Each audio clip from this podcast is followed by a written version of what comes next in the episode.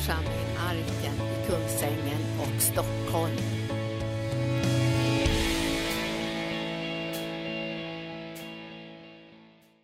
Min första kallelse i arken har ju varit, varit andre pastor. Det har ju betytt att jag har lagt ner eh, ganska stor del i predikotjänsten och den apostoliska tjänsten och, och profettjänsten. Jag har ju varit med och grundat den här bibelskolan Jesus helar och upprättar. Och sen har pastor Gunnar och jag önskat att ni ska få del av det bästa ut över världen. Vi har försökt att kalla hit talare som har varit bärare av smörjelse, väckelse. Alla har vi inte kunnat kalla för en del är otroligt dyra. Det kostar något ofantligt att kalla en del talare. Men vi har försökt att kalla talare som kommer från olika länder utöver världen som har liksom varit bärare av smörjelse. Vi önskar att ni ska få, ha fått del under åren av väckelse. Och igår fick ni se ett bildspel och det var ju mycket från konferenserna då. När, när folk låg på golvet och flödade i den heliga ande. Och vi sa i arken så här redan när vi grundade arken på Herrens uppdrag. Att vi önskar att ni skulle få del av, av allt det goda som Gud gör över världen utan att tappa visionen och uppdraget. Utan vi skulle bli inspirerade och uppmuntrade och styrkta av det som Gud hade genom olika tjänstegåvor. Och vi har ju mött en mängd tjänstegåvor, en del är ju i himlen. Kommer ni ihåg Win Lewis? T.L. Osborne. Ian Anders lever fortfarande. Massor med människor har kommit från Catch the Fire genom åren och vi har kallat på talare så vi känner de här talarna vill vi ha till arken så att vi kan fortsätta att dricka och leva i väckelse. För vi önskar att den här församlingen ska leva i väckelse. Sen har en stor del av min tjänst också varit att resa på kallelser också i Sverige, Norden och i andra länder. Under många, många år så reste jag minst tre helger i månaden och så jobbade jag heltid på arken. Jag vet inte riktigt om jag kan hålla det tempot, nu, tempot mellan 70, 80 och 90 men vi får väl se hur det går. Men vi känner så här att, att vi lever i en tid också nu när, när det mörknar i världen. Och man kan ju se att, att, att i, bland människor i världen råder det en väldigt stor rotlöshet. Alltså församlingar går sönder, familjer går sönder, länder går sönder. Det är uppror, folk mot folk, rike mot rike. Och det här gör att det blir en väldig rotlöshet bland människor. Och det gör också att det blir en stor hemlöshet. Och det gör också att människor blir splittrade och drivna för vinden. Och jag tror att därför är det också så viktigt för oss nu i den här, som vi brukar säga, kanske den yttersta tiden, för jag vet inte vilken, om den är yttersta, yttersta eller bara yttersta. Men vi ser ju att många av de profetiska ord som Jesus förutsade håller på att gå till sin fullbordan. Och vi, vi tycker att det är både spännande och, och, och, och utmanande och inspirerande. Och under de här åren så har jag liksom känt, tänkt så här, vad är det jag uppskattar allra mest hos människor om jag tänker på kvaliteter i människors liv? För nu får jag ju prata för jag har varit i arken i över 30 år. Vad är det jag uppskattar allra mest om jag skulle titta på kvaliteter hos människor så är det trofasthet och trohet. Det jag tror också att det är en kvalitet som Jesus uppskattar väldigt mycket. För när han kommer tillbaka så säger han, du trogna tjänare. Du trogna tjänare. Och jag önskar av hela mitt hjärta att vi ska kunna fortsätta här i arken under många, många, många år framöver och vara en väckelseförsamling. Under de här åren har det varit många trender. Vi har inte brytt oss om alla trender. Vi har känt att de här trenderna vill vi inte ha in i arken. När det kom sådana här trender att man inte skulle få tala i tungor och mer, då sa vi det vill inte vi ha. Vi ska tala jättemycket i tungor. När det kom sådana här trender att man skulle vara försiktig med manifestationer och man skulle inte liksom låta människor få befrielse och få sjunga i anden och gråta inför Gud. Då sa vi, de trenderna bryr vi oss inte om. För vi önskar att människor ska få helande, upprättelse och ett möte med Gud. De ska kunna skratta, de ska kunna gråta, de ska kunna flöda i anden, de ska kunna ta emot ifrån Gud och få uttrycka sin kärlek. Och vi har känt under åren att det har varit viktigt för oss att bevara och behålla. För när Herren kallade oss att grunda arken så sa han att arken också skulle vara en behållare. vi skulle kunna behålla det. Vi har ju sett många trender över världen, många väckelser som har kommit och gått. Alltså det har varit en väckelse under en kort tid, sen har det varit över. Vi har sett stora vågor som har kommit och tänkt, vad fantastiskt att få uppleva en sån här våg i församlingen. Men det dröjde bara några år så var både församlingen och vågen borta. Därför det fanns ingen behållare. Så när Herren talade så sa han, en behållare. Vi har varit i ganska många väckelser, pastor Gunnar och jag. Och när karismatiska väckelsen bröt fram så talade Herren till pastor Gunnar och sa, det räcker inte att åka på en massa konferenser och, och dricka. För det är inte säkert att den, den vågen finns kvar om 10-15 år. Vi måste, vi måste själva gräva en brunn i anden för att få ett eget vatten och vara en behållare. Och vi önskar att arken ska kunna behålla det här kallelseuppdraget som vi har fått ifrån Gud. Och jag har ganska många saker jag skulle vilja dela den här dagen, men jag tänkte jag skulle bara citera ifrån, ifrån, eh, från vårat eh, så att säga, kallelseuppdrag ifrån Hesekiel 34. Där Herren talade till oss om det uppdrag vi skulle vara rädda om. Vi har, ju, vi har ju bara ett mandat kan man säga som är i linje med det som Gud har talat. Jag märker en del så att säga, kollegor som jag möter genom åren, de tycker att vi kan väl göra något annat och vi kan väl hitta på något nytt och nu är det en ny trend och nu kan vi hitta på det här. Men vi har sagt så här, det kan vi faktiskt inte göra. För vi måste ju gå i linje med det mandat som Gud har gett. Det som Gud har uppenbarat, det som Gud har kallat oss till. Kommer ni ihåg när Moses var uppe på berget? Då fick han en vision hur det här tabernaklet skulle byggas. Och han hade ju varit fåraherde i många år och nu gav Gud honom instruktioner om, om guld och silver och färger och, och allt som skulle tillredas för det där fantastiskt vackra tabernaklet. Och när templet skulle byggas i Jerusalem, då säger konung David, vi måste bygga det här templet efter en mönsterbild som Moses fick på berget. Och när templet skulle byggas upp, när vi läser Esra och Nehemja bok, så skulle det byggas enligt mönsterbilden. Och jag tror att det är viktigt med mönsterbilden, den andliga mönsterbilden, för den ger trygghet, den ger stabilitet, den ger excellens, den ger trygghet för det som Gud har kallat oss till. Och håller vi oss i linje med vår kallelse, då kan vi vara trygga med att Gud kommer att leda oss och hjälpa oss i varje steg vi tar också efter 2018. Hesekiel 34. Och Herren har ju talat till oss om eh, att arken ska vara en plats för hans härlighet, en uppenbarelseplats. Själva arken, namnet är en kallelse.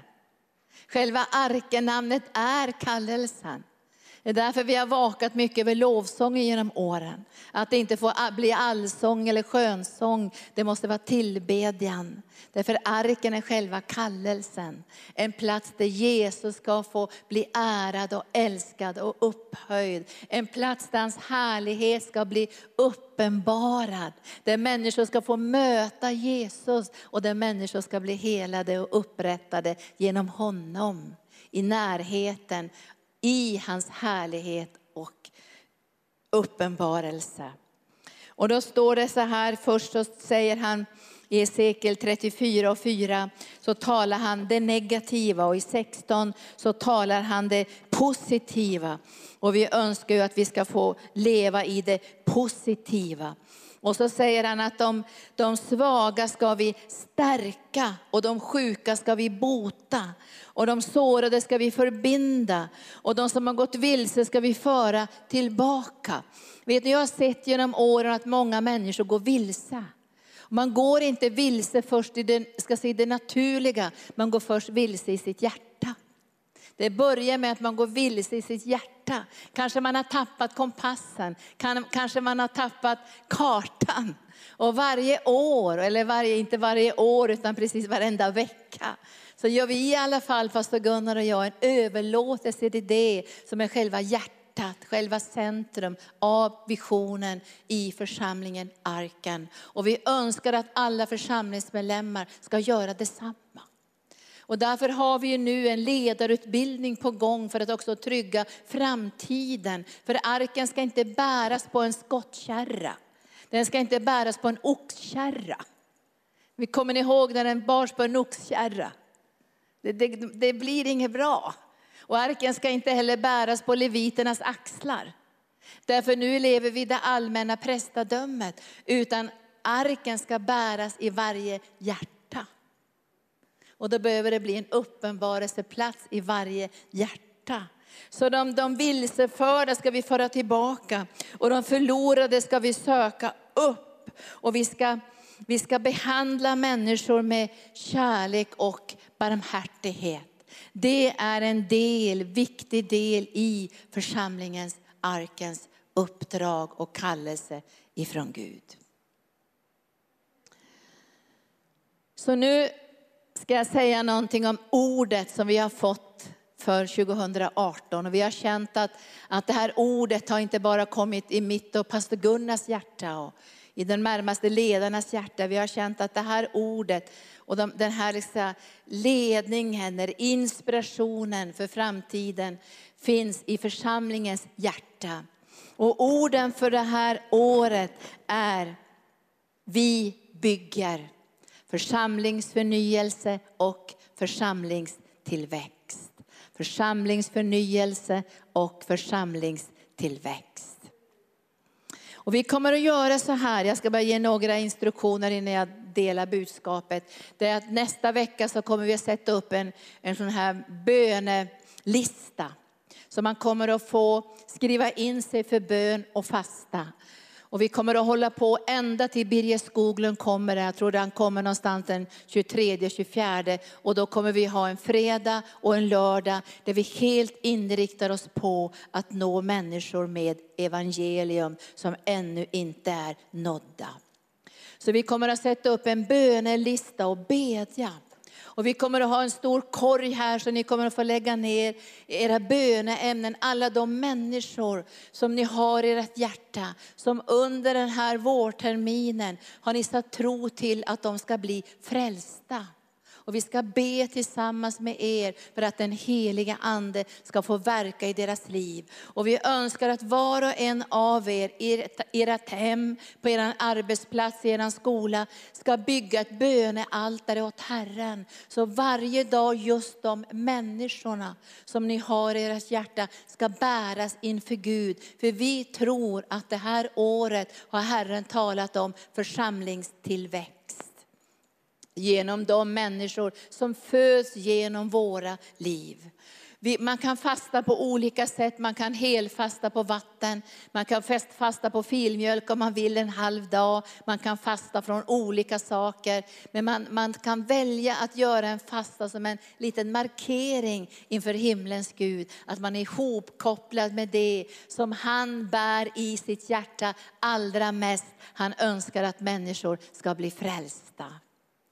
Och när vi talar nu om församlingstillväxt så talar vi om vardagsevangelisation. Vi talar inte om några stora alltså säga, kampanjer där vi ska börja jobba ut på gatorna och knacka på varenda dörr. Det är inte det vi talar om, utan vi talar om en smörjelse som kommer att bli starkare i ditt liv. Från igår bad vi också, eller det var förrgår som vi bad. Nej, det var igår vi bad med handpåläggning för alla om den här vardagsevangelisationsmörjelsen. Där du förväntar dig från Gud att bli använd. Där du känner igen de här mötesplatserna.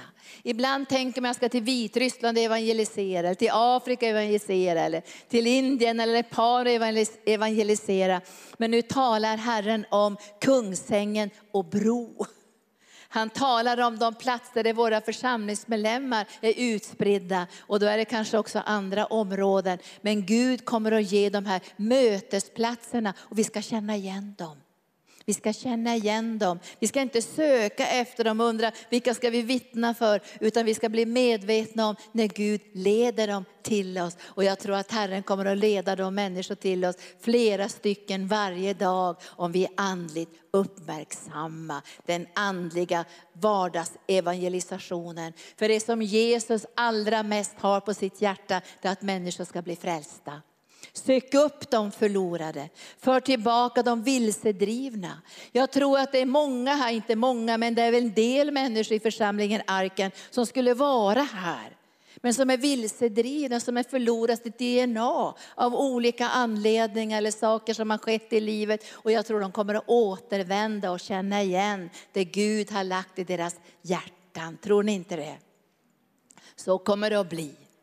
För de vilsedrivna de kommer att föras tillbaka och de förlorade ska vi söka upp. Och vi börjar med att söka upp dem i anden. Du har dina grannar, jag har mina grannar, du har dina kontaktytor. Det är de som vi söker upp först i anden. Och vi bör göra anspråk på dem. För Bibeln säger, begär hedningarna som din arvedel. Och du kan börja begära de här människornas frälsning. Och vi ska stå tillsammans så vi under den här våren ska få vara med om de här fantastiska miraklerna. När Gud använder oss. Och jag tror också att Herren kommer att använda dig i helande tjänsten. För du kan fråga dina grannar, har du ett böneämne? Är det något du bär på ditt hjärta som du vill att jag ska be för? Du kommer att kunna fråga så här, får jag be för dig nu? Får jag ta dina händer och be för dig? Har du ont någonstans? Och det blir ett sånt där naturligt, övernaturligt flöde i den helige ande. Det här har Herren talat församlingstillväxt. Församling tillväxt. Och man kan inte växa om man inte föder. Och det är inte roligt att föda sitt barn i ett garage. Har ni läst om förlossningsvården? Det har varit lite kritiskt den sista åren av olika anledningar. Jag vet inte alla anledningar, men det har varit riktigt krisigt för många. När man har kommit till sjukhus har det inte funnits någon plats. Man, man, eh, jag hörde om en tjej som hade fött på, på vägen upp i Norrbotten med, med navelsträngen hängande mellan benen, bara stå och skrika på gatan efter hjälp i snöstormen. Vi har hört om människor som föder sina barn i garaget och på, på olika ställen därför att det finns inte den här omsorgen och vården som skulle behövas kring ett barns födelse. Och nu ska ni tänka här idag att ni ska vara de som föder. Ni kommer att bli gravida allihopa. En del med trillingar, en del med femlingar, en del med tiling, tilingar men, och en del bara med en, men ni kommer att bli gravida. För Gud kommer att lägga i era hjärtan särskilda människor under januari månad som ni kommer att få in i era hjärtan. Och vi kommer att lägga dem i bönekorgen och vi kommer att ropa till himlens Gud och vi ska bereda den här platsen. Det ska inte vara ett garage där vi föder barn här. Det ska inte vara en trappa trappa eller eh, på gatan, utan vi ska ha ett hem där människor kan komma med sina barn. Ett underbart hem. Och därför hör församlingstillväxt ihop med församlingsförnyelse.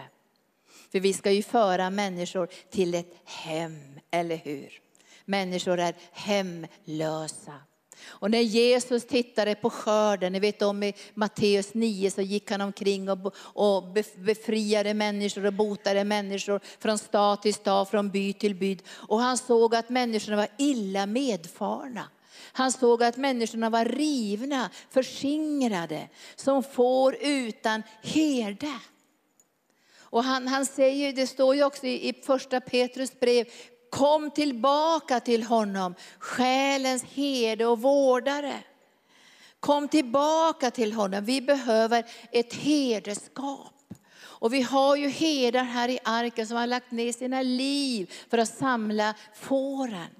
Och vi har hemgruppsledare, vi har assistenter, vi har äldste, vi har ledare på olika plan som finns för att samla jorden. Därför när vargen kommer så tittar han efter de svaga.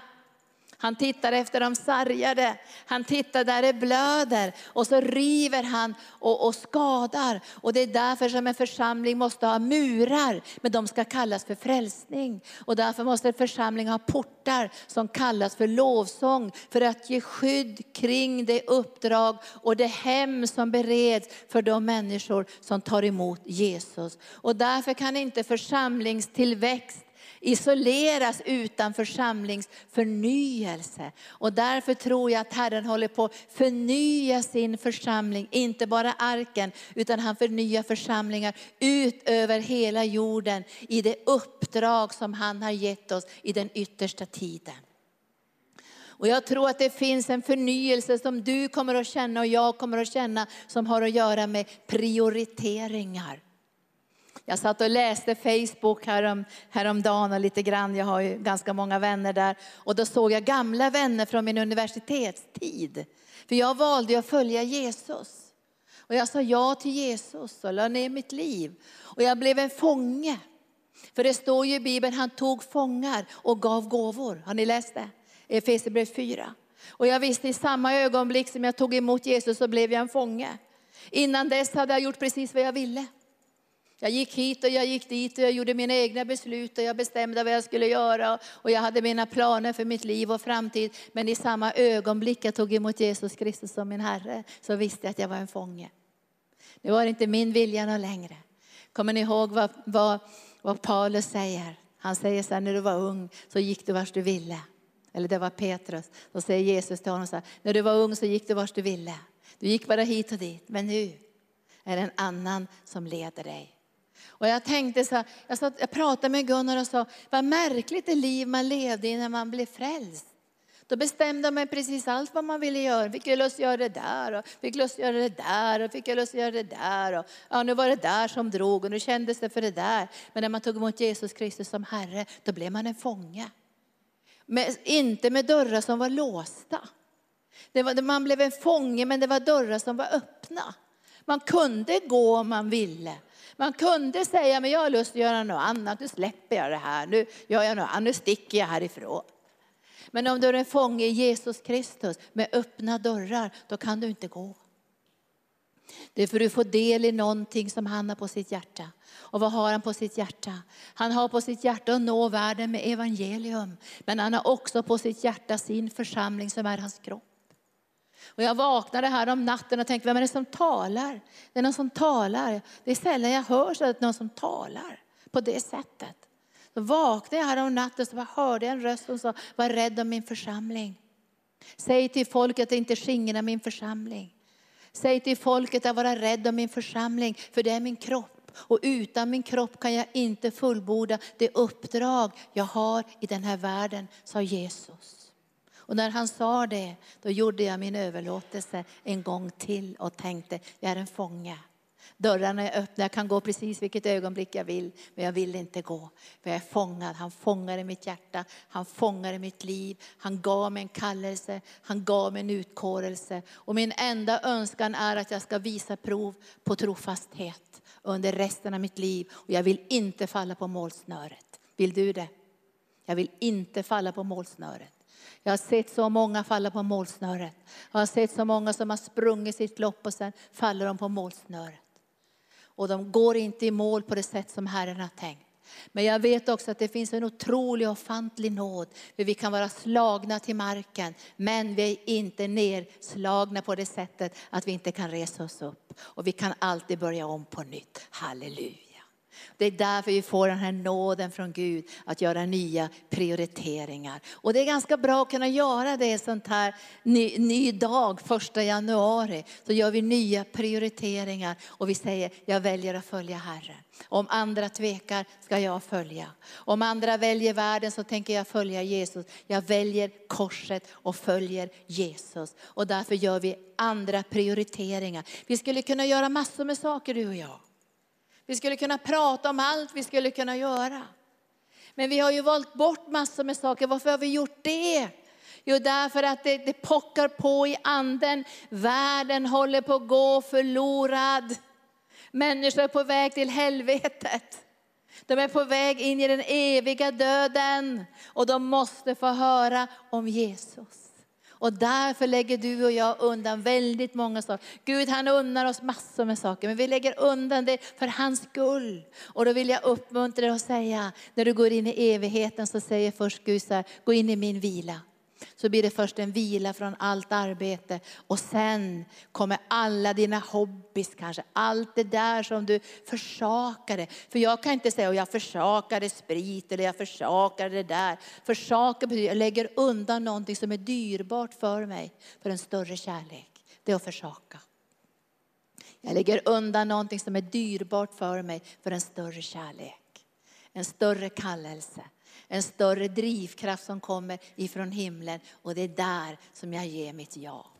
Och när vi gör den här förnyelsen så förnyar vi vår bibelläsning, vi förnyar vår lovsång, vi förnyar vår trohet i församlingen, till uppdraget, vi förnyar vår kärlek till varandra, vi förnyar vår kärlek till de människor som ännu inte är frälsta. Det finns väldigt olika nivåer och olika, ska jag säga, eh, kalles i den här församlingsförnyelsen som jag tror att Herren kommer att driva oss in i med sin kärlek. För det är Kristi kärlek som driver oss. För utan församlingsförnyelsen, där vi, där vi bereder plats så att människor ska få ett hem, så tror jag att det blir väldigt svårt för de nyfrälsta att kunna rota sig och känna trygghet. Halleluja. Tack Jesus. Tack underbara Jesus. Vi kommer att utöka bönetillfällena också. Så vi kommer att ha lite längre frivillig bön. Vi kommer att ge andra tillfällen för bön. För vi tror att bönen är viktig för den rätta drivkraften, eller hur? Alltså själva bönen gör ju att vi ser Jesus, vi hör hans röst, vi älskar honom mer. Och då blir det lättare att ta alla stegen och bereda våra hjärtan. Och, för jag tror att när människor blir frälsta så blir det mera arbete också. Jag vet ju när man föder barn så tror man ju att det inte ska vara någonting när barnet är i magen. Då är det ju lätt. De där nio månaderna är inte så farliga. Men sen när barnet är fött, då får man stiga upp flera gånger på natten. Då får man byta blöjor och då blir det plötsligt inte alls så där lätt. Då kan man inte göra vad man vill något längre. Då måste man skaffa barnvakter i alla möjliga omständigheter. Och jag vet att själavinnande är inte romantik, det är arbete. Och därför säger Jesus, be skördens Herre om arbetare till skörden. Be skördens Herre om arbetare till skörden. Och jag prövar mig själv nästan varje dag. Vill jag församlingstillväxt? Vill vi det jobbet som det innebär att få människor som har tagit emot Jesus och kanske är lite jobbiga och faller tillbaka och kräver saker och tar vår tid och så här. Men om det här ligger på Jesu hjärta så säger vi vårt ja, eller hur? Vi säger vårt ja. Och vi bereder våra hjärtan för att ta emot människor till den här platsen. För jag tror att vi kommer att få se många människor frälsta under 2018. Halleluja. Jag har levt i Nehemja och Esra bok under lång tid. Och jag skulle önska att ni alla läste Esra och Nehemja bok. För det känns som att Esra och Nehemja i gamla testamentet levde i en sån här tid som vi lever nu.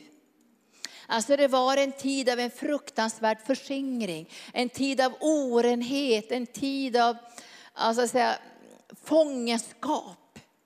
Och nu, nu handlar det mycket där om Israels folk, men om jag skulle översätta det till människor i allmänhet. Så, så levde de i förskingring, de levde i nöd, de levde alltså, utan det här som var Guds plan och vilja för deras liv.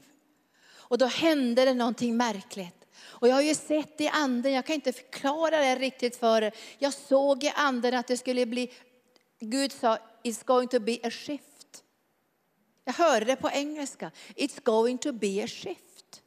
Och jag tänkte, vad menar han? Och sa det kommer att hända någonting med ledarskap. Och då var det inte eh, eh, kristna ledare han talade om, utan det var ledare i världen. Och han sa att han skulle börja påverka ledare i världen.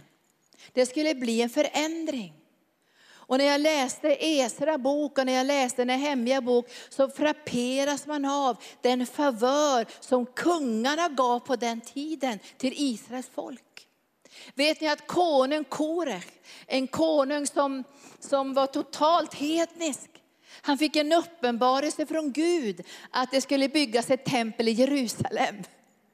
Alltså Gud, det står i Bibeln så här, Gud rör konungarnas hjärtan som vattenbäckar. Och Gud talar till den här så att säga, hedna konungen. Att, du ska skicka, att Gud vill att hans folk ska tillbaka till Jerusalem och de ska bygga upp templet och de ska få alla förnödenheter och pengar som de behöver. Vilket mirakel! Och samma var det på Esra tid. För Esra och Nehemja jobbade ju tillsammans. Då fick Esra en sån favör. De fick guld och silver och ädla stenar och förnödenheter. Allt som de behövde för att smycka templet i Jerusalem. Favör. Och vi tror på favör. Vi tror att det kommer hända någonting i världen som gör att, det kommer att, att Herren kommer att tala till hedningarna. Det kommer att hända något i anden. Så det är gods och guld som Guds församling behöver. Och nu är det många profeter just om det kommer att tillföras Guds församling. För Guds rike ska byggas i den här världen. Halleluja. Och så kommer vi få ett skift i anden. Vi kommer att få skift i anden där Herrens härlighet på nytt kommer att uppenbara sig i en våg av härlighet. Redan för 30 år sedan skrev jag det första nyhetsbrevet faktiskt. Jag har kvar det. Det första nyhetsbrevet när vi startade arken så skrev jag ett nyhetsbrev och så skrev jag så här. Vi går in i en ny väckelse skrev jag, härlighetsväckelsen. Och jag vill säga det igen till er att jag tror vi är på väg in i en ny väckelse i den helige ande. Därför det växer en längtan. Vi vill inte ha religiositet. Vi vill inte bara ha en massa ritualer. Vi måste få se hans ansikte. Vi måste få känna hans härlighet. Vi måste få känna som det står i Jesaja. När konung Ussia dog så uppfylldes templet av Guds härlighet. Guds härlighet bara föll. Och, och, och Jesaja han säger, jag bor bland ett folk som har orena läppar. Och, och jag har själv orena läppar. Jag har skådat Herren Sebaot. Och han får höra sången av serafer och keruber. Och jag tror vi kommer in i en tid av en större härlighet. Och den måste komma för de här människornas frälsning. Jag tror inte folk blir frälsta av en massa religiositet. Jag tror inte folk blir frälsta av att vi går ut och anklagar dem på olika saker. Jag tror inte folk ens blir frälsta av att vi går ut och säger nu ska ni sluta svära. Nu ska ni sluta bråka på era arbetsplatser och sluta begå otukt. Vi kanske kan få en viss effekt om vi får lagstiftningen på vår sida. Men jag tror att den största effekten kommer av Herrens härlighet. Då känner människor igen sin längtan efter Gud. Då faller de ner på sina ansikten och säger, som det står i första Korinthierbrevet kapitel 14, Gud är verkligen ibland er. När under och tecken sker, när Guds härlighet blir manifesterad, då kommer människor att falla ner på sina ansikten och det blir lätt för människor att bli frälsta. Det kommer att hända någonting i anden och vi behöver bereda väg för det här. Och jag tror att det kommer att, jag vet inte, jag bara kan glädja mig när jag tänker på det, att alla de medel som Guds församling behöver för att föra ut evangelium, det kan inte bara komma genom de troende. Det behöver lösgöras i världen. Vet ni, det finns jättemycket pengar i världen som går till porr och till annat. Men det ska gå till Guds församling konung Kores fick en uppenbarelse. Du ska ge allt vad Israels folk behöver för att bygga templet i Jerusalem. Och så börjar man bygga. Du kan läsa Esra bok, de börjar bygga templet. Men innan de byggde templet så upprättade de en altarplats. Och jag har tänkt mycket på det här de här veckorna, att den här altarplatsen var platsen för Guds härlighet. Och vi kommer att få se överallt hur Guds härlighet kommer att bli uppenbarad i enskilda människor, i bönegrupper. Kommer det bli sådana altarplatser. Och i Esra bok så byggde de först altaret för att kunna tillbedja Herren och sen de grunden till själva templet. Och sen kom attackerna. Ni kan läsa Esra bok och jag vill bara förbereda er för det kommer också komma attacker. De första attackerna som kom det var att fiendefolken sa till Esra, vi vill bygga templet ihop med er, vi vill ha blandreligion. Sa man. Har ni hört det förut? Vi vill ha blandreligion. Vi vill blanda religionerna, vi vill ha kyrkor där vi har en pil mot Mecka och en pil åt något annat håll. Vi kan be både på, och till olika gudar, vi måste ju vara ett. Men Esra sa, nej det går inte jag med på. Därför att templet ska byggas till himlens Gud. Han sa nej. Och då blev det en otrolig vrede som blev manifesterad. Och man skickade brev till kungen. Och, och, kungen sa att nu måste ni bara hindra det här bygget. Därför det här bygget får inte bli till. Och man alltså, ta alla medel som finns och hindra det här bygget. Men då, då säger Esra, vi ska skicka ett brev vi också och påminna om konung Koresh. Det var han som skickade hit oss. Och de fick favör. Vad hände i Esra bok? Du kan läsa det själv. De blev inte färdiga med bygget därför att det var så mycket synd bland folket. Och då tänker jag inte bland folket i allmänhet, utan det var synd bland dem som skulle vara med och bära Herrens härlighet. Och därför tror jag också att vi kommer in i en tid där vi kommer att få en hunger efter Guds härlighet och vi kommer att hata synden. Alltså vi kommer att säga till varandra, vi hatar synden, vi vill se Guds härlighet. För det som hindrade i både i Esra bok och i Nehemja bok, för att färdigställa, det gick ju att färdigställa på slutet i Nehemja bok. Men det kom väldigt många problem därför att folket inte helgade sig utan förföll tillbaka till olika beteenden som gjorde att inte tempeltjänsten kunde upprätthållas. Men jag vill säga till er idag att tempeltjänsten på den här platsen ska upprätthållas. I dag efter dag efter dag ska vi bereda en plats för Herrens härlighet. När Hemja fick vara med och bygga själva templet, eller Esra byggde själva templet, men när Hemja fick vara med och bygga murarna för att beskydda templet. Därför att när templet var oskyddat kunde fienden bara välla in och man hade ingen tempeltjänst som fungerade när det inte fanns murar och portar. Och det är därför som vi tror att församlingsförnyelsen är så viktig, att vi får alla ledare på plats, alla murar på plats, alla funktioner på plats. Att både kallelse och gåvor ska kunna flöda sida vid sida så att varje församlingsmedlem ska känna, jag har min plats, jag har min kallelse, jag har min funktion. Nu ska jag läsa några bibelställen som vi kommer att använda sen när vi ska bedja ut det här lite längre fram i januari så frågade jag Herren, vilka bibelställen ska vi använda? Och nu får du ha lite tålamod med mig, jag ska läsa dem. Det är inte så många bibelställen, utan jag ska läsa ifrån Efesiebrevet, Apostlagärningarna och en text i Matteus evangelium. Och jag ska börja läsa från Efesiebrevet. Det första som Herren sa, för nu har jag verkligen varit i bön och ropat till Gud. Ja, fasta till och från för att kunna höra ifrån himlen, för att kunna sända några ord till mig själv och till er för 2018. Och det första ordet jag fick från Herren det var kapitel 3 i Efesiebrevet. När Herren talar till oss om en övernaturlig församling och om mångfald. Och mångfald. För det har kommit en lögn, ibland hör jag saker i anden så här. Jag kan höra saker. Alltså djävulen är ju en lögnare. Och jag har hört en sån lögn som har kommit, liksom, till och från så har den kommit så här, ja, det finns ingen plats för mig i arken. Ja, det finns inget utrymme för mig, för min gåva. Det är en lögn. Alltså vi måste avvisa lögnerna. Därför Herren han älskar mångfald. Och det står i Efesierbrevet kapitel 3 så säger han i den tionde versen. Nu ville Gud i sin vishet, i sin väldiga mångfald. Så skulle Guds vishet i sin väldiga mångfald göras känd genom församlingen för härskarna och makterna i den himmelska världen. Detta var det eviga beslut som han förverkligade i Kristus Jesus vår Herre. I honom och genom tron på honom kan vi frimodigt och tryggt komma till Gud.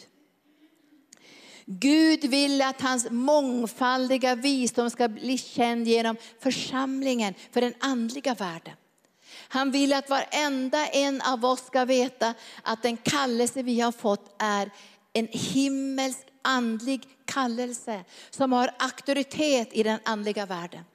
Det här är ingenting som vi har tagit oss eller fått någon utbildning i det naturliga i första hand. Det här är en kallelse som gör att det händer någonting i andevärlden. Och därför säger Herren att det ska predikas och göras känt till härskarna och makterna i den himmelska världen. Och så säger han i den tjugonde versen att han kan göra långt mycket mer än allt vi ber eller tänker genom den kraft som är verksam i oss. Hans är äran i församlingen och i Jesus Kristus genom, genom alla generationer i evigheternas evighet. Gud kommer att kunna göra mer än vårt förstånd kan tänka ut. Därför vi är en övernaturlig församling. Och jag önskar av hela mitt hjärta för 2018 att Gud ska bli ärad genom oss. Att vi inte låter det naturliga och begränsningarna hindra oss att säga ja till Gud. Gud ska bli ärad genom församlingen Arken och genom våra liv. Säger vi amen till det. Tack Jesus. Och vi ska inte vara hemlösa. Han säger i Efesierbrevet kapitel 2 i den 19 versen, ska vi också bedja ut sen. Vi är inte gäster och främlingar. Jag önskar inte att en enda person som tillhör arken, nu är ni många gäster här idag, men om ni tillhör arken ska ni inte känna att ni är gäster och främlingar som kommer på besök och tittar hur det går. Utan vi är en familj vi hör ihop, vi är inte gäster och främlingar. Och här står det, därför är ni inte gäster och främlingar, utan medborgare med de heliga och medlemmar i Guds familj. En medlem. Jag satt och tänkte, vad är en medlem för någonting? Det är en lem som sitter ihop med en annan lem, en medlem. Den här armen är medlem till den här andra armen.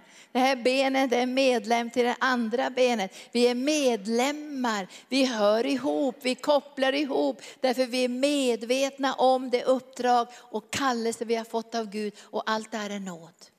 Det är bara nåd. Allt är bara nåd utöver nåd utöver nåd utöver nåd. Och det står så här, ni är uppbyggda på apostlarna och profeternas grund. Där hörnstenen är Kristus Jesus själv. Och lyssna nu 21 versen tycker det är så vackert det här. I honom fogas hela byggnaden samman. I honom fogas hela byggnaden samman. Och därför är det så otroligt viktigt 2018 att vi kommer samman i Jesus. Därför annars kan vi inte bli sammanfogade. Då blir vi bara en sån här vanlig församling. Eller förening som, som kommer samman därför att vi har lite samma intresse, vi har samma kompisar och vår familj är ju med här och lite annat hit och dit. Och sen, ja men nu stack mina kompisar, hej då, vi sitter inte särskilt mycket ihop, vi har bara samma intresse. Det är världsligt, vet ni det? Vi sitter ihop på grund av att Gud har sammanfogat oss. Det är Gud som har gjort det här mirakelverket i våra liv. Så vi sitter ihop av helt andra skäl än att vi liksom tyckte precis om varandra, eller samma utbildning, gått i samma skola eller samma kompisar. Vi är sammanfogade för ett heligt uppdrag. Och därför kan det till och med kännas ibland att det är lite udda. Det vi skulle tänka, men jag vill bara vara med akademiker, eller jag vill bara vara med sådana som jag känner och som jag trivs ihop med och som passar mig så här. Men det är Gud som har sammanfogat oss i Jesus Kristus, därför att han behöver en kropp. Och sen säger han inte bara att han behöver en kropp, han säger här också att han, vi fogas ihop till en byggnad och växer upp till ett heligt tempel i Herren och i honom blir ni också sammanbyggda till en boning åt Gud genom anden. Alltså Gud vill både ha ett tempel och en boning. Jag tror inte bara han vill ha ett tempel, han vill ha en boning, han vill ha ett hem för alla dessa andligt föräldralösa människor som finns i den här världen. Och jag måste säga till er idag att jag är så imponerad över vad vi har fått av Gud. Det har varit tuffa år. Jag lovar, det var tuffa år. Vi var ju på gamla arken förut, där på andra sidan gatan, men det var fruktansvärt ni som var där. Vi, vi, märkte ju inte det alla gånger. Men Anita berättade igår att ibland var det så kallt så vi satt med tomteluva på, vi hade mössa på och vantar i mötet. Och en nyårsdag där borta på gamla arken satt vi med mössa och vantar och täckjacka, iskallt. Det var 19 personer som kom på mötet, det var gamla arken var det 15. Jag överdrev när jag var evangelistisk. Det var 15. Vad, vad, vad sa pastor Gunnar? Skulle vi ta upp kollekt som var, hur mycket var det? 30, ja, kring 30 000. Och det kom in. Och när vi hade helgdagsgästerna där borta så var det så mycket hål i taket så det regnade, det bara regnade in. Och vi sa till varandra, vad ska vi göra? Det börjar regna på helgdagsgästerna här. Och vi tog fram hinkar och satte överallt. Men Gud bara beskyddade allt sammans. Jag minns en gäst sa så här, åh vad snälla ni är på arken. Tänk att jag hinkar till oss, vi gråter ju hela tiden. Så kastar de snornäsdukarna i hinkarna för de trodde att det var kärlekshandlingar. För det var det regnade in hela tiden. Och så var vi där borta på gamla arken. Jag kommer ihåg en, det var en del ledare som inte är med idag, men de bad bra på gamla arken. Jag kommer ihåg vi bad, vi hade ett litet rum där och det var instängt och ingen ventilation, fanns ingen ventilation där borta på gamla arken. Det har vi här jätteanläggning. Och vi bad och vi ropade till himlens Gud. Vi skulle få en bättre lokal. Och så kom vi in hit och vi trodde det skulle vara jättebra här. Vi hade kanske bara tittat in genom fönstren och gjort någon vandring här. Vi visste inte så mycket om vad vi egentligen sa ja till. Och det var sådana här rör överallt här. Och de började falla ner de här rören, fulla med bajs från, de hade ju tvättat ägg här. Fulla med bajs och smuts och de föll ner. Och det var grönt och brandgult på alla väggar. Det var så här kylrum här. Men så såg jag Göj höll i släggan. Tack Göj. Kommer du ihåg Göj när du höll i släggan? Göj höll, högg i slägg, höll, högg, höll i släggan och jag bara kände det kommer att gå. För om Göj håller i släggan då går det. Och det var sådana här breda väggar ni vet och vi skulle slå ner allt det där. Och vi skulle sätta ventilation och vi skulle borra tror jag, 17 hål här för att få bergvärme. Och vi skulle renovera och renovera. Det här var 2005. Det var kärvt. Det kärvade här må ni tro, fanns inget, det var kärvt. Och vi fick jobba på med det här, så vi har haft ganska tuffa år. Men nu har vi fått den här fantastiska lokalen. Bara gå runt och titta. Vi har 30 bönerum. Vi har en fantastisk ungdomsavdelning med café och bönerum och, och samlingsrum. Vi har fantastiskt barn, barn, möjligheter att ha barnkyrka och barnarbete också. Vi har fått en fantastisk hem. Låt oss förvalta det här hemmet och bereda det för tusentals människor som ska bli frälsta. Jag skulle önska att vi kunde ha nio möten varje söndag. I Indien hade de sju möten, men jag tänkte jag överdriver lite och säger nio. Då hade de sju möten. Vet du, de började fem på morgonen med första mötet. Det är vänner. Nu vill ni att jag ska gå ner för vatten. Nu kommer jag snart ner. Men vad säger du Gunnar? Inte chocka nej. Men då kommer ju ledarna och säger, vill du predika klockan fem eller klockan sju? Ja, jag tror jag tar klockan sju sa jag. Och tio kan jag ta också. Och så kan jag ta tolv också. Tre möten kan jag ta. Jag orkar inte mer. Tre möten. Vet du, det var 5 000 på alla tre möten jag hade. Klockan sju på morgonen var det hundratals barn där och ungdomar som prisade Herren, jublade, dansade. Sju på morgonen. Vi skulle bara hasa in. Ah. Sju. Och jag sa, hur många var klockan fem? Fem tusen såklart. Det var, och jag ser i anden församlingsförnyelse och församlingstillväxt. Frågan är, och jag har redan svarat ja på den och jag vet att du också kommer säga ja. Därför det här kommer att ge ditt hjärta en sån ofantlig glädje. Vi kommer inte bara få ett tempel för Herren, vi kommer att få en byggnad. Nu har jag bara tre bibelställen kvar, jag snabbar mig nu, Efesierbrevet kapitel 4. Det här ska vi, det här ska vi bedja ut. Efesierbrevet kapitel 4 och den femtonde versen. Jag kommer att skriva upp de här bibelställena sen, för just de här ställena ska vi bedja ut. Alltså vi ska kalla på de ting som inte syns så som de fanns. Alltså vi ska samarbeta med Gud. Vi ska inte bara säga, jag blev det någonting. Ibland kommer någon och säger så här, ja men ni fick ju ett profetord för 15 år sedan, bidde det någonting? Men sa inte Gud att det skulle bli ungdomsväckelse? Var är de någonstans? Ska vi kasta oss i en grop och deppa ihop? Jag kan min bibel ja. För Haggai han gick upp på muren, vad gjorde han där för att klaga? Och nu går upp och klagar på Gud. Ska aldrig klaga på Gud. Aldrig klaga på Gud för jag vet att visionen väntar på sin fullbordan. Och det kan inte utebli för om han har gett den så kommer han att se till att den går till sin fullbordan. Och därför säger Gud till Haggar, skriv visionen på ditt hjärta med tydlig skrift. Han sa inte sluta klaga och sluta gnälla, så skriv visionen på ditt hjärta med tydlig skrift för den kommer att fullbordas. Det kommer att bli som jag har sagt, för orden kommer inte vända tillbaka fåfängt. Och nu så läser jag det här. Vi ska hålla fast vid sanningen och i kärlek växa upp till honom som är huvudet Kristus. Av honom, av honom, står det i min översättning, av honom fogas hela kroppen samman och hålls ihop genom det stöd som varje led ger med en kraft som är fördelad för varje enskild del. Så får kroppen tillväxt och bygger upp sig själv i kärlek. Om jag inte ger mitt stöd till dig och säger jag struntar väl i dig. Jag, jag har mitt eget liv att tänka på. Om jag inte ger mitt stöd till dig och du inte ger ditt stöd till mig och inte vi ger vårt stöd till varandra, då blir vi en ruin, vet ni det? Då faller alla stenar åt sidan oavsett hur vackra de är. Så blir det ändå en ruin av allt sammans. För det här kan inte byggas upp utan att du och jag är med. Och därför måste vi veta att vi, vi får säga nej till Gud om vi vill. Men när du har sett honom och sett hans kärlek, då vet jag att du bara kommer att säga ett enda ja. Och du gör som Bibeln säger, du låter det som en levande sten uppbyggas i templet. Jag tar, det, jag tar bara ett bibelställe till. Och det här är ett av mina favoritbibelställen för det nya testamentet som handlar om församlingen. Därför att här läste jag något som först bekymrade mig lite faktiskt. För det står att Herren ökade församlingen. Ja, det står i Apostlagärningarna kapitel 2, versen 42 framåt.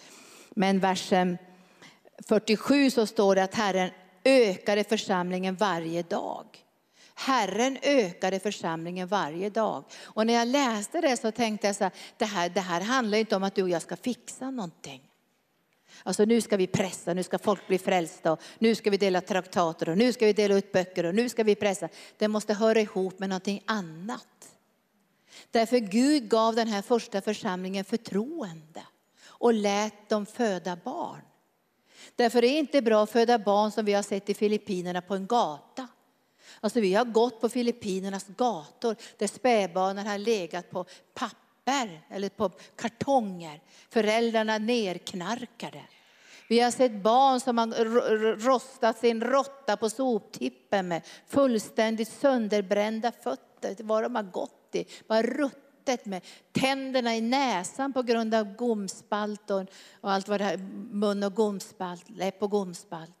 Vi har sett hur barn har fått, jag minns en, en unge nu sist när jag var i Filippinerna, då var vi på soptippen där och så hade de en sån här eh, bebissäng som stod mitt i solen. Utan madrass och utan kudde. Där stod det en tvååring och skrek där. Totalt sönderbränd på hela huvudet. Vi ska föda barn på en plats av trygghet. Och jag tror att Herren såg den här församlingen. Och han tittade på den här första församlingen, för det var någonting med dem. Och nu ska jag läsa det här ordet som jag känner för mig har blivit viktigt genom åren. Och det är trofasthet. Jag känner att det är det allra viktigaste karaktärsdraget. Alltså det finns andra karaktärsdrag som är också fina med trofasthet. Det skapar en trygghet för de nyfödda barnen. Det finns några som är trofasta. Och det här är särskilt, särskilt viktigt när vi nu ska på nytt alltså reparera och stärka och bygga vårt ungdomsarbete och vårt barnarbete. Att vi har ledare som klarar trycket som står fasta och övervinner. Det är min bön ifrån mitt hjärtas djup. Att de barn och ungdomar som vi vinner för Herren ska känna en trygghet med oss vuxna. Vi finns här. Och jag läser i Apostlagärningarna 42. Och de höll troget fast vid apostlarnas undervisning och vid gemenskapen och brödsbrytelsen och bönerna. Och varje själ greps av bävan. Och många under och tecken gjordes genom apostlarna. Och alla de troende var tillsammans och hade allt gemensamt. De började sälja sina egendomar och ägodelar och delade ut till alla efter var och ens behov. Och varje dag var de troget och enigt tillsammans i templet. Och i hemmen bröt de bröd och delade måltid med varandra i jublande och innerlig glädje. Vilken församling! Och jag tänkte jag ska skriva arken där. Församlingen Arkan. De kom troget samman, hade allting gemensamt. Varje dag var de troget enigt tillsammans. Och även om inte vi kan träffas varje dag, du och jag, är vi ihop i anden. Och nu fick jag ett mejl från en av mina vänner som är i norr nu och, och är där under några dagar. Så sa jag är i norr nu, sa med mitt hjärta är på Arkan. Och jag tänkte precis så ska det vara. Vi kopplar ihop i anden. Vi kopplar ihop i anden. Vi är ihop i anden. Vi är trygga med varandra. Vi har en, en kallelse och ett uppdrag ifrån Gud som blir dyrbart för oss. Så det här året får vi de här orden, vi bygger. Vi ska bygga ett tempel, vi ska bygga ett hem, vi ska bygga en plats där människor ska vara trygga. Och sen ska vi samtidigt arbeta för församlingstillväxt. Vi ska inte ha det ena och inte det andra, vi ska ha båda delarna det här året. Vi bygger och vi når ut. Vi bygger och vi når ut. Vi bygger och vi når ut. Och vi ska se i anden nu, vi ska väl lovsånga komma fram. Och vi ska se i anden nu under en liten stund. Ska vi låta den heliga ande kanske börja visa oss några av de människor som under det här året ska få nås med evangelium. Det är ungdomar, det är barn, det är vuxna som ska nås med evangelium. Och vi lägger ner våra liv, Herre, på altarplatsen. För du vill ha en altarplats. Det första du ville ha var en altarplats. Och vi ber här att du ska få en altarplats här i arken. Där vi får bära fram våra kroppar som levande offer inför ditt ansikte. Vi önskar att du ska känna idag Jesus, du kan räkna med oss. Vi är beredda Herre att lägga ner våra liv för den här världens frälsning. Och vi vet här att det här året ska bli ett år då mängder med människor kommer att bli frälsta. Och jag ber det heliga ande nu att ingen ska känna stress och press och, och att man ska känna sig hotad på något sätt. Utan du ska ge en smörjelse av själavinnande som går så på djupet att det blir övernaturligt naturligt och föda barn.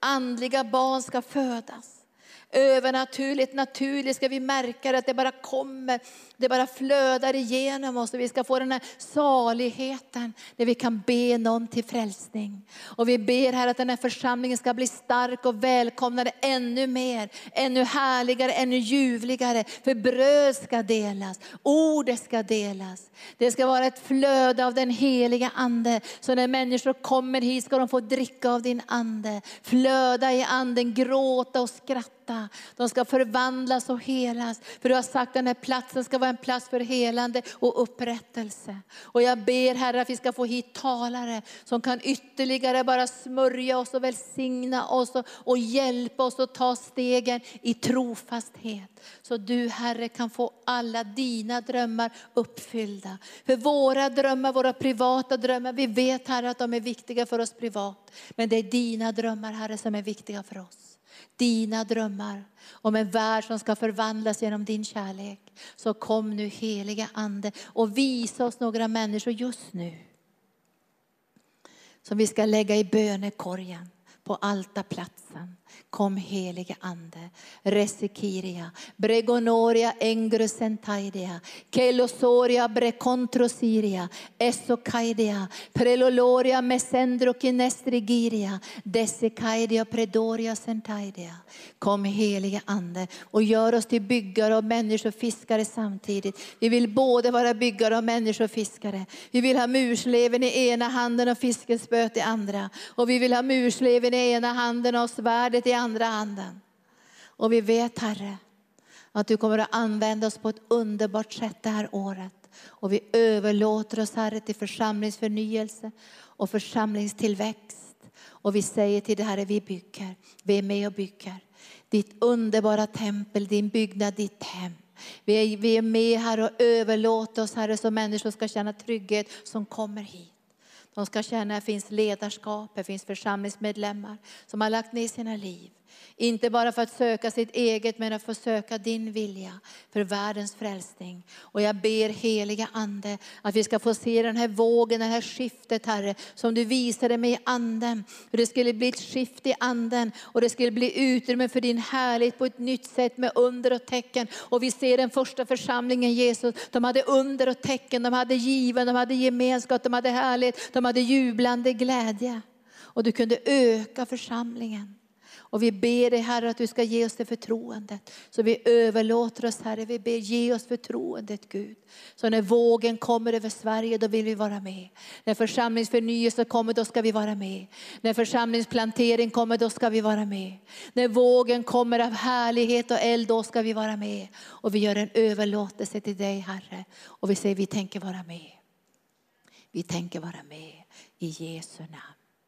Halleluja. Tack Jesus.